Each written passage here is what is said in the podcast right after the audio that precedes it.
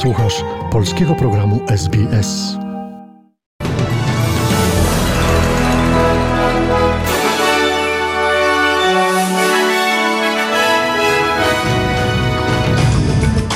Dzień dobry, przy mikrofonie Dariusz Buchowiecki. Oto skrót najważniejszych doniesień w Wielką Sobotę 16 kwietnia. Partia Pracy obiecuje, jeśli wygra wybory, że utworzy komisję do spraw badania korupcji. Ukraińskie służby przechwyciły rozmowy rosyjskich żołnierzy o dokonywanych przez Moskwę prowokacjach zbrojnych. Wspólna modlitwa Polaków i Ukraińców za pokój podczas Drogi Krzyżowej w Warszawie.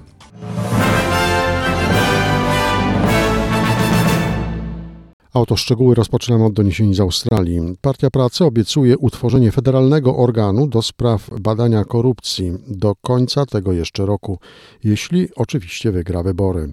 Scott Morrison obiecał powołanie takiego organu podczas wyborów w roku 2019, ale jak dotąd nie uczynił tego.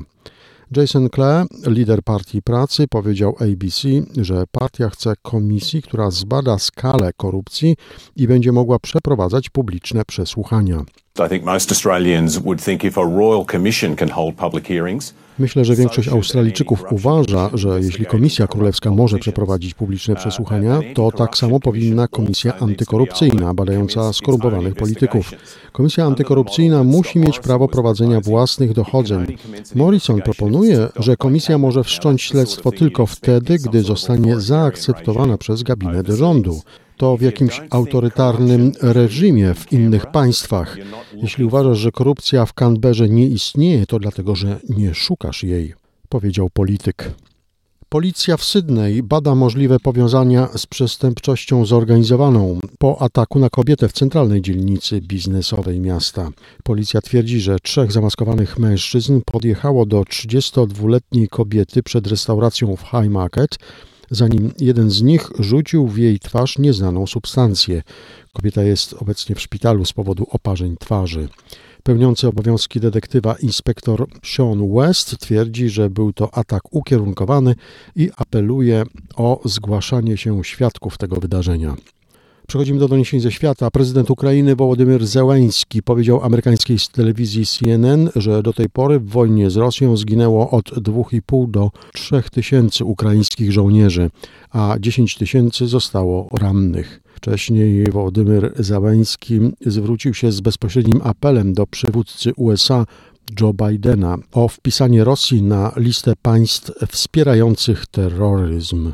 W wyniku rosyjskiego ostrzału Charkowa zginęło siedmiu cywilów, rannych zostało ponad 30 osób.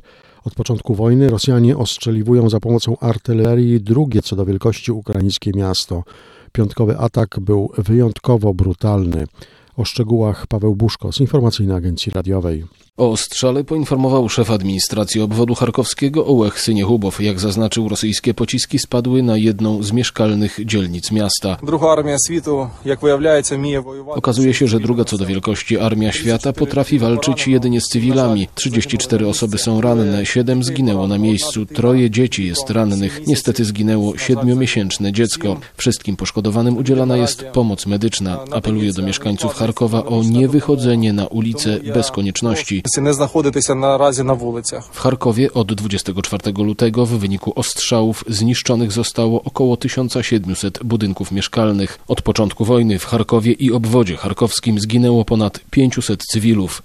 Ukraińskie służby przechwyciły rozmowy rosyjskich żołnierzy, które mają świadczyć o dokonywanych przez Moskwę prowokacjach zbrojnych. Chodzi o ostrzał rosyjskiej wsi Klimowo. Z rozmowy telefonicznej rosyjskiego żołnierza z żoną wynika, że Rosjanie sami ostrzeliwują swoje własne terytoria, a następnie rozpowszechniają informacje obciążające ukraińską armię. Doniesienia z Polski. Wspólna modlitwa Polaków i Ukraińców za pokój była motywem przewodnim Drogi Krzyżowej w Warszawie, która po raz 26 przeszła ulicami stolicy. O szczegółach Przemysław Lis z Informacyjnej Agencji Radiowej.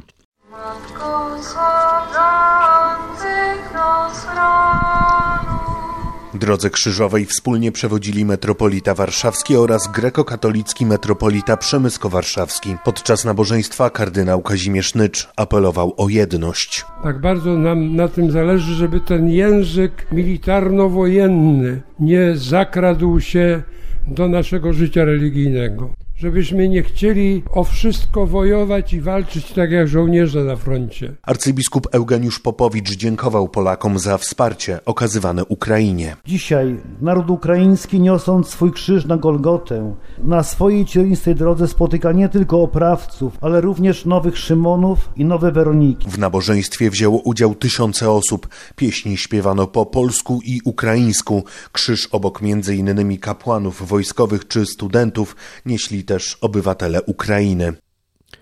Prezydent Andrzej Duda podpisał szereg ustaw, m.in. o pomocy Ukraińcom i o embargu na rosyjski węgiel, a także o możliwości zamrażania majątków podmiotów i osób wspierających agresję Rosji na Ukrainę. Akceptację prezydenta zyskała również ustawa zakazująca zmian niektórych patronów ulic, pomników i innych obiektów. NBP opublikował sprawozdanie finansowe na koniec 2021 roku. Bank podaje, że wypracowany zysk wyniósł ponad 10 miliardów 974 miliony złotych. Zgodnie z obowiązującym prawem 95% tej kwoty zasili budżet państwa. Będzie to ponad 10 miliardów złotych. 5% zysku, czyli ponad 548 milionów złotych, zasili Fundusz Rezerwowy NBP. Informacja walutowa. Kurs średni dolara australijskiego na dzień dzisiejszy wynosi 3 zł i 17 groszy. W przeliczeniu na dolara amerykańskiego wynosi 74 centy. Przegląd wiadomości na podstawie doniesień Newsroomu SBS oraz informacyjnej agencji radiowej przygotował Dariusz Buchowiecki.